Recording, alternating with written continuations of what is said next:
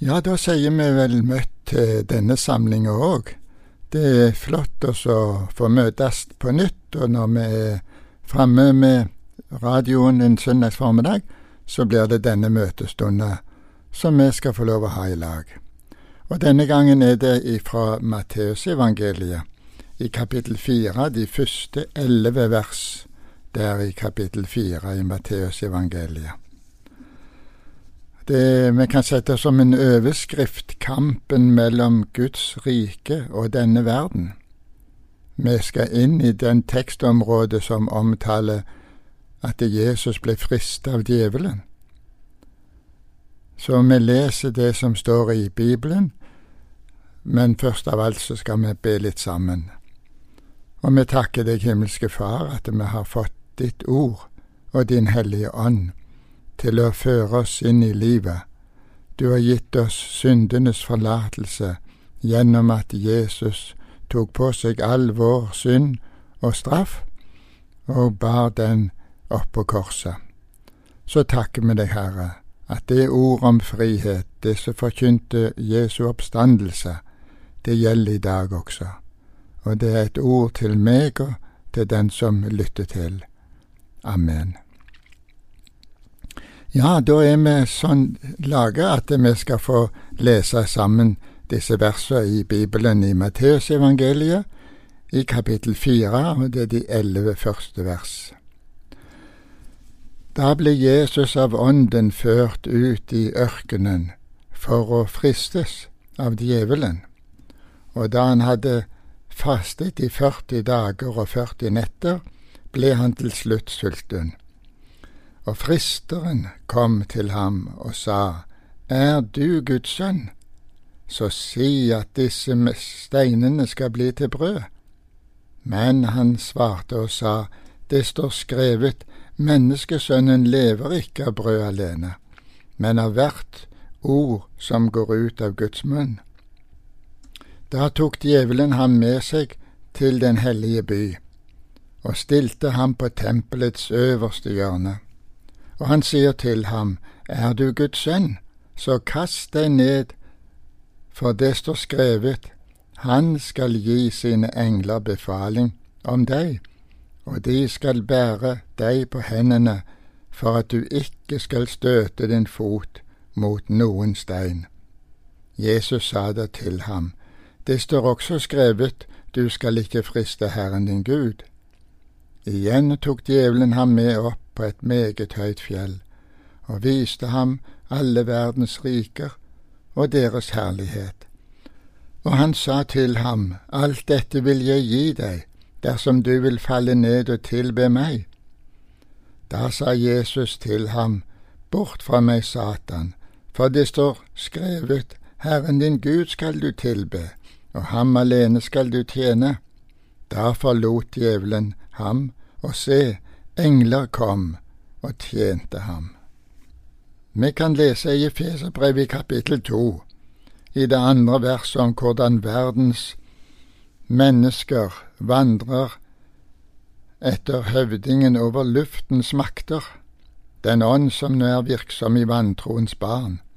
Etter syndefallet vitner Skriften om Satan, og den makt han har, og som han vil utøve på oss mennesker. I kapittel seks, det tolvte verset, hører vi at vi har ikke kamp imot kjøtt og blod, men mot maktene og myndighetene,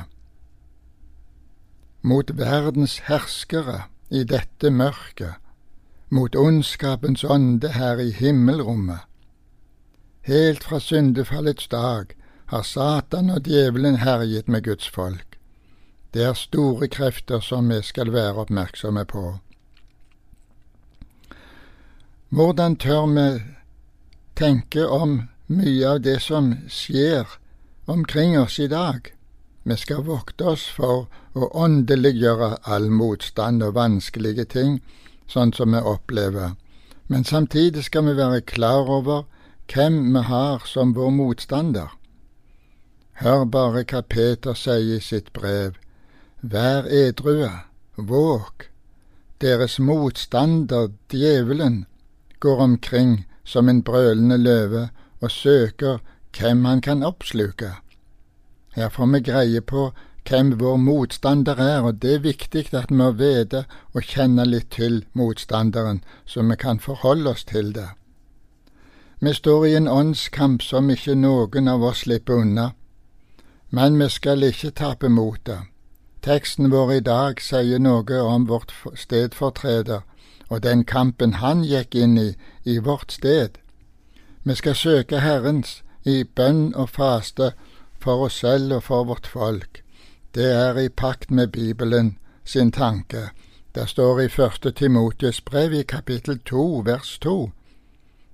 Be for konger og for alle som er i høye stillinger, så vi kan leve et stille og rolig liv i all Guds frykt og ærbarhet. Vi skal se litt også på det at eh, Jesus blir fristet av djevelen. Det er like etter at eh, Jesus ble døpt, så står det det første vi hører, er at Jesus ble ledet av Ånden. Det er en stor tanke for oss at Den hellige ånd vil lede oss på Guds veier. Ikke noe er større for en kristen enn å få være ledet av Gud. Kanskje er det i den sammenheng vi kjenner mest på uduelighet og det å komme til kort.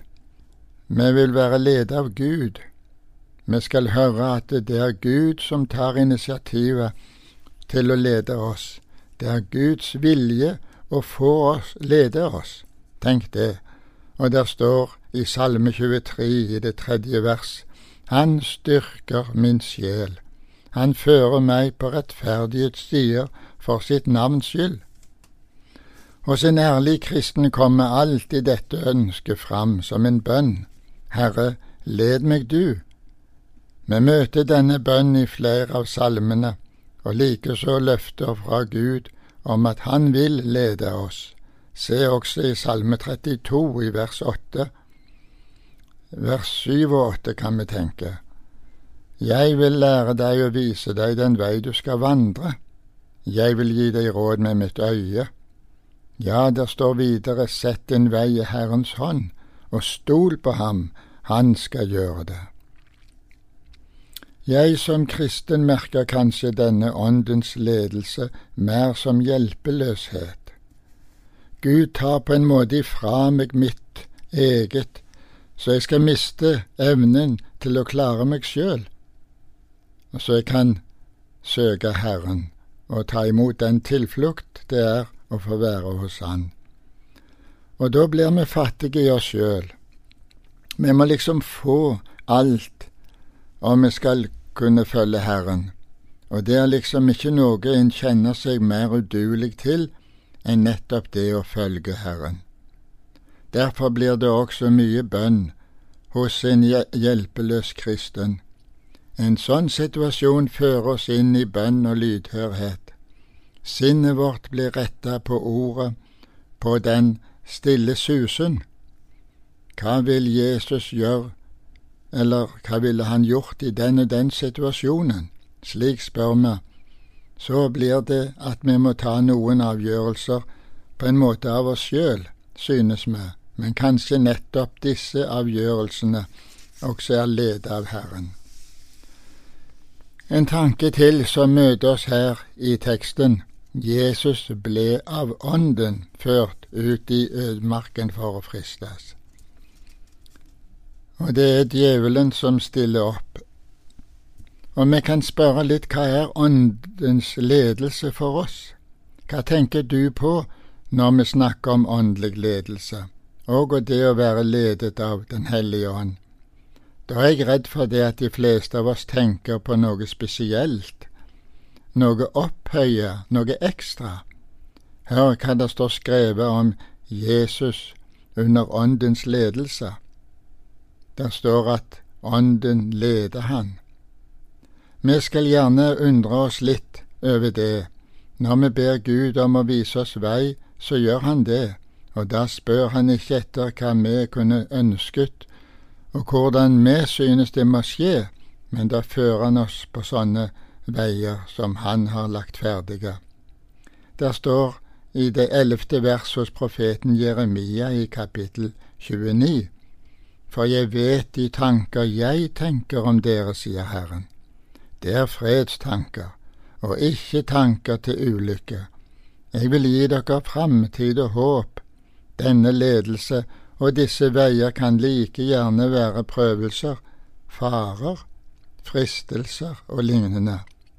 For nettopp å prøve hva som bor i oss, og for å gløde stålet, kjenner vi fra industrien.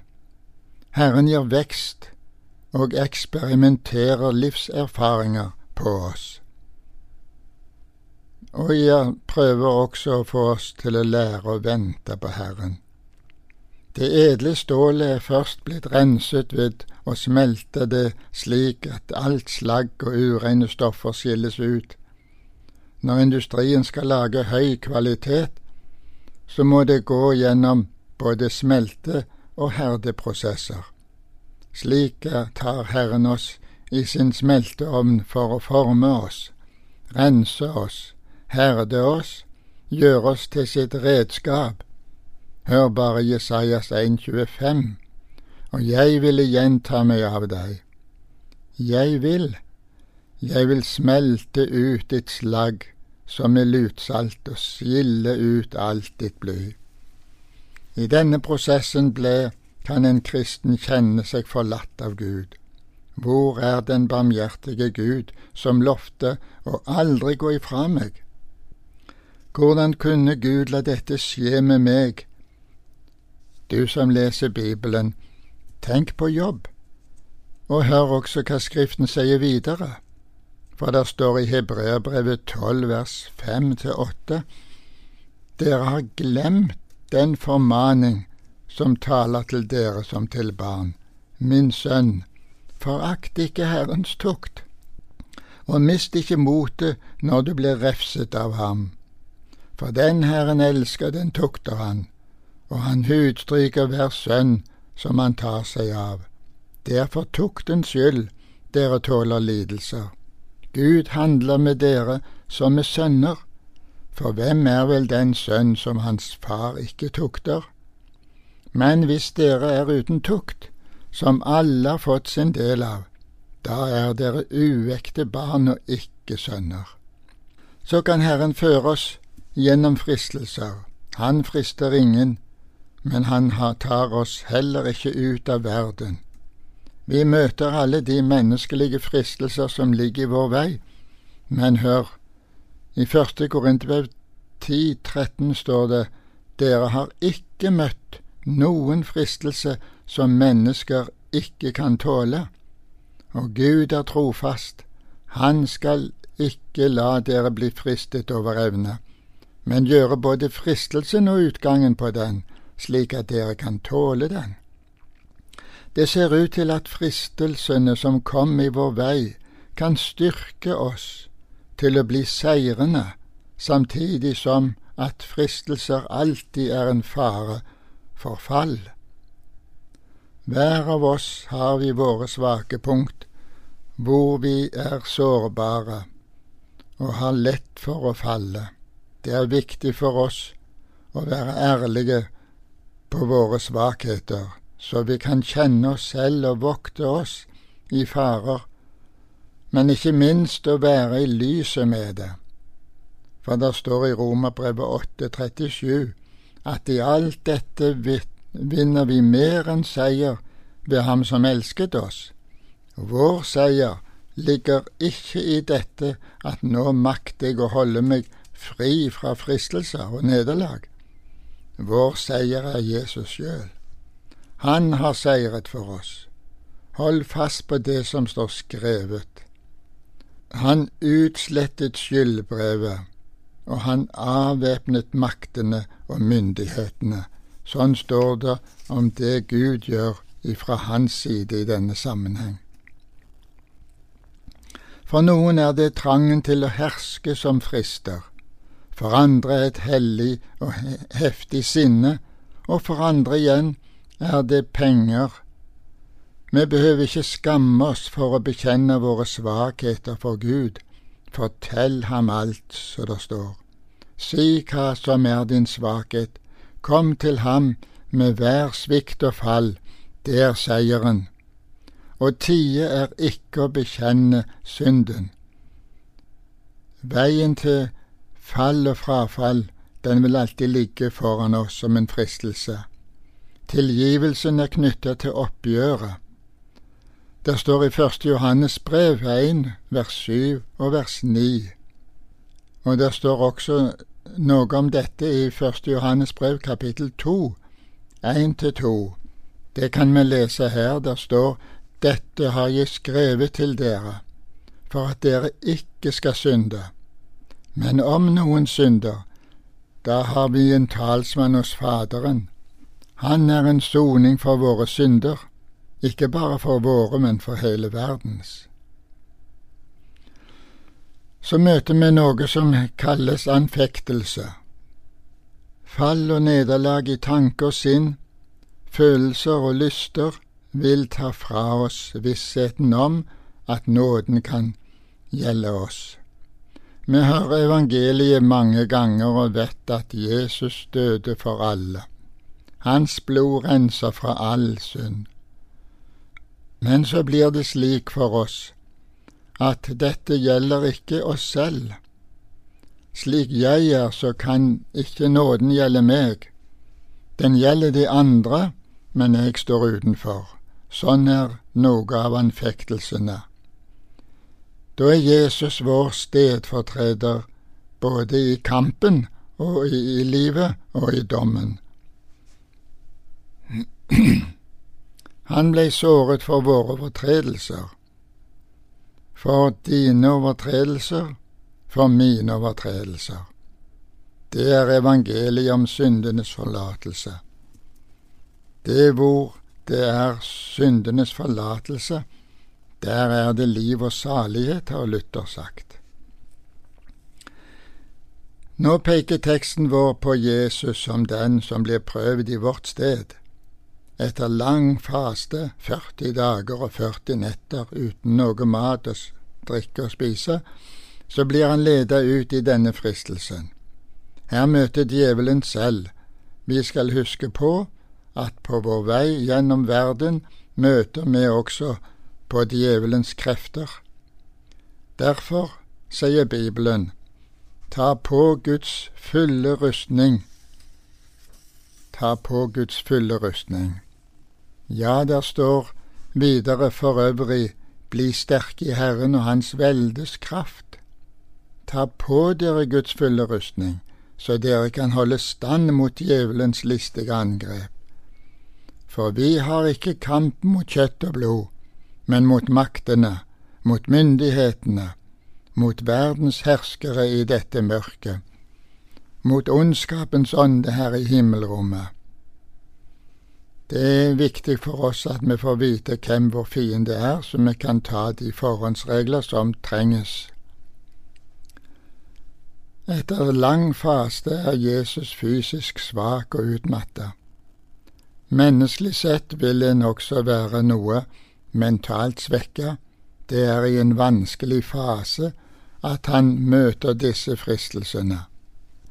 Han prøves på forholdet til at han er Guds sønn og derfor at han har all makt. Verden vil alltid fornekte at Jesus er Guds sønn. Det gjør muslimene, det gjør djevelen når han stiller seg fram for oss. Den første prøve er i forhold til mat. Hvor lett er det ikke å gi etter for sulten? Tenk på Esau og Jakob.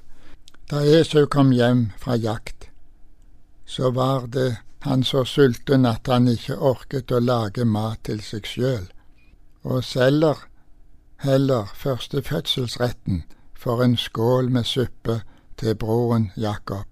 Kanskje hadde han en svak karakter, men han burde blitt stående og holde fast på fødselsretten. Nå skal Jesus vise seg å være den han er, nemlig Gud, som ikke lar seg friste over evne Tre områder i livet prøves han på. Først ut fra at han nå er sulten, og at han derfor burde bruke sin makt på å få mat. Du kan jo bare si et ord. Deretter peker djevelen på at siden han er Guds sønn, så må vel Gud sørge for ham. Gud skal jo beskytte ham, hva som enn skjer med han. For det tredje blir han fristet til å tilbe djevelen, for da skal han få jorden i sitt eie. Djevelen spotter ham, og ved å tiltale ham som bare et menneske, og prøver å finne svakheter hos Jesus etter den lange fasten, så vil djevelen ha sikra seg herredømme over jorden. For djevelen ville egentlig få bevist at Jesus ikke er noe annet enn et menneske. Fristelsen er at han kan få bli hersker på jorden, men heller ikke noe mer.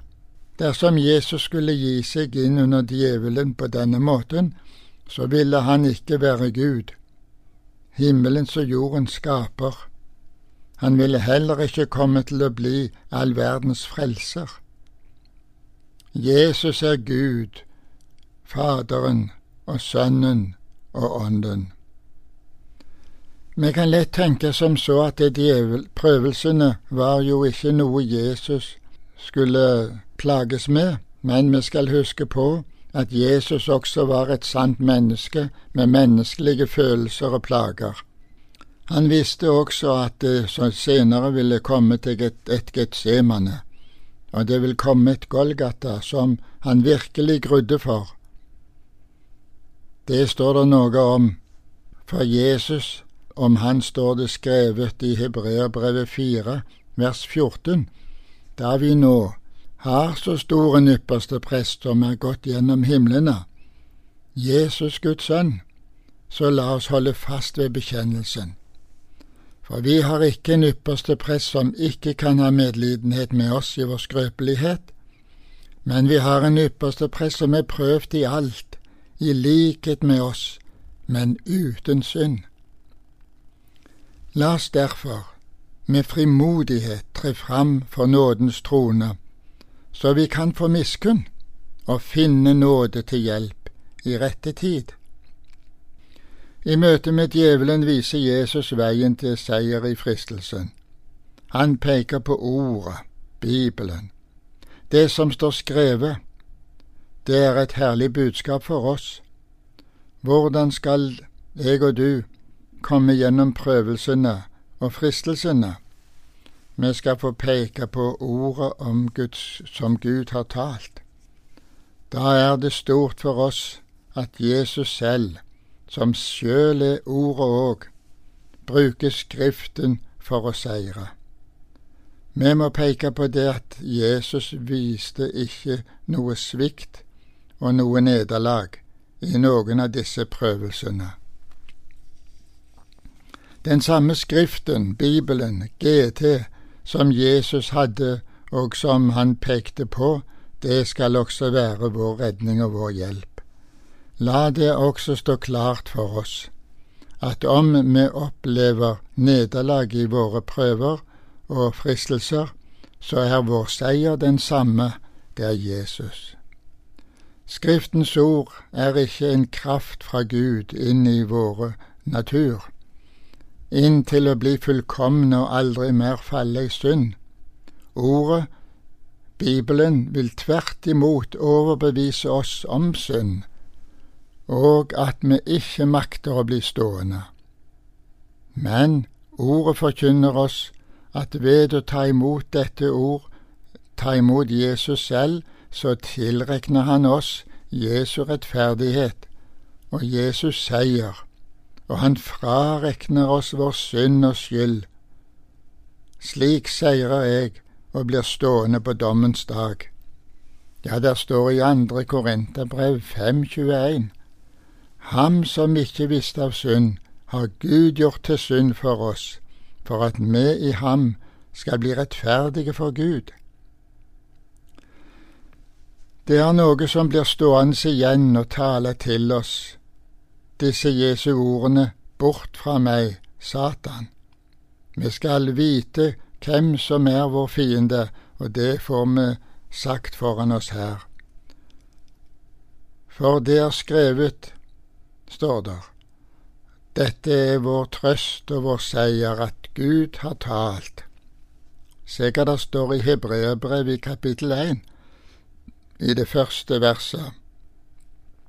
Etter at Gud i fordums tid mange ganger og på mange måter hadde talt til fedrene gjennom profetene, så har han nå i disse siste dager talt til oss gjennom Sønnen. Ham har han innsatt som arving til alle ting. Ved ham har han også skapt verden. Bibelens ord er vårt våpen i møte med synden, i møte med fristelsene og i møte med djevelen. Der står noe om det i Feserbrevet i kapittel seks. Og du kan lese fra vers elleve, så får du en innsikt i det. Vi leser noe av det. Det står i vers elleve, ta på dere Guds fulle rustning, så dere kan holde stand mot djevelens listige angrep. Her har vi et våpen som er skarpere enn noe tveegget sverd. Ta på Guds fulle rustning, så dere kan holde stand mot djevelens listige angrep. Ja, der står i neste vers i samme kapittel seks, ta derfor Guds fulle rustning på, så dere kan gjøre motstand på den onde dag, og bli stående etter å ha overvunnet alt. Det er også en underlig tanke at Jesus hadde vist Satan bort fra seg. Så kom det engler og tjente ham. Satan måtte forlate ham. Slik er situasjonen for oss i dag også. Satan får ikke herse med Guds barn som han vil. Et sted går grensen. Selv den bibelske personen Jobb, som uforskyldt havnet midt i en strid mellom Gud og Satan, han fikk erfare at Gud er Herren. Gud er Frelseren. Satan måtte vike for ham. Men når den kampen var over, så kom freden igjen. Og der står så fint i Filippabrevet 4 vers 7 at Guds fred som overgår all forstand, skal bevare deres hjerter og deres tanker i Kristus Jesus. Tenk det, så skal vi også få hjelp til å leve av evangeliet. Engler kom og tjente ham, står det til slutt. Vi skal seire, men det er ikke sikkert at vi alltid vil oppleve det som en seier her i livet. Men blir vi stående i troen på Jesus, i troen på Ordet, så vil Herren sende sine engler for å tjene oss. Det står her om Jesus når han avslutta kampen mot djevelen, hadde seira, så står det at det kom engler og tjente ham. Og det står om oss i forhold til englene i Hebreerbrevet i kapittel 1 vers 14. Er de, englene altså, er de ikke alle tjenende ånder, som sendes ut til tjeneste for deres skyld, som skal arve frelse? Ja, det må du dvele ved. Slå det opp ved anledning om du ikke har gjort det nå. Det står i Hebreerbrevet kapittel 1, vers 14. Englene er tjenende ånder. De sendes ut til tjeneste for deres skyld, som skal arve frelse. Det er du og meg som tror på Jesus, det. Og det skal vi få lov til å fryde oss over og hvile oss i. For det er en ypperste prest, og det er en spesiell ypperste prest som vi har. Det står i fjerde kapittel i Hebreabrevet, fra vers 14 og framover, at da vi nå har så stor en ypperste prest og vi gått igjennom himlene, Jesus Guds sønn, så la oss holde fast ved bekjennelsen. For vi har ikke en ypperste prest som ikke kan ha medlidenhet med oss i vår skrøpelighet, men en som er pre prøvet i alt i likhet med oss, men uten synd. La oss derfor, med frimodighet, tre fram for nådens trone. Du skal få gå inn for Jesu ansikt med frimodighet. La ikke tanker, synden og følelser og alt sånt hindre deg i det, men si til deg sjøl, nå går jeg til Han som har seier over makten og myndighetene, ja, Han som ga sitt liv på korset for at vi skulle ha en frelst sjel og få møte Gud i Jesu navn.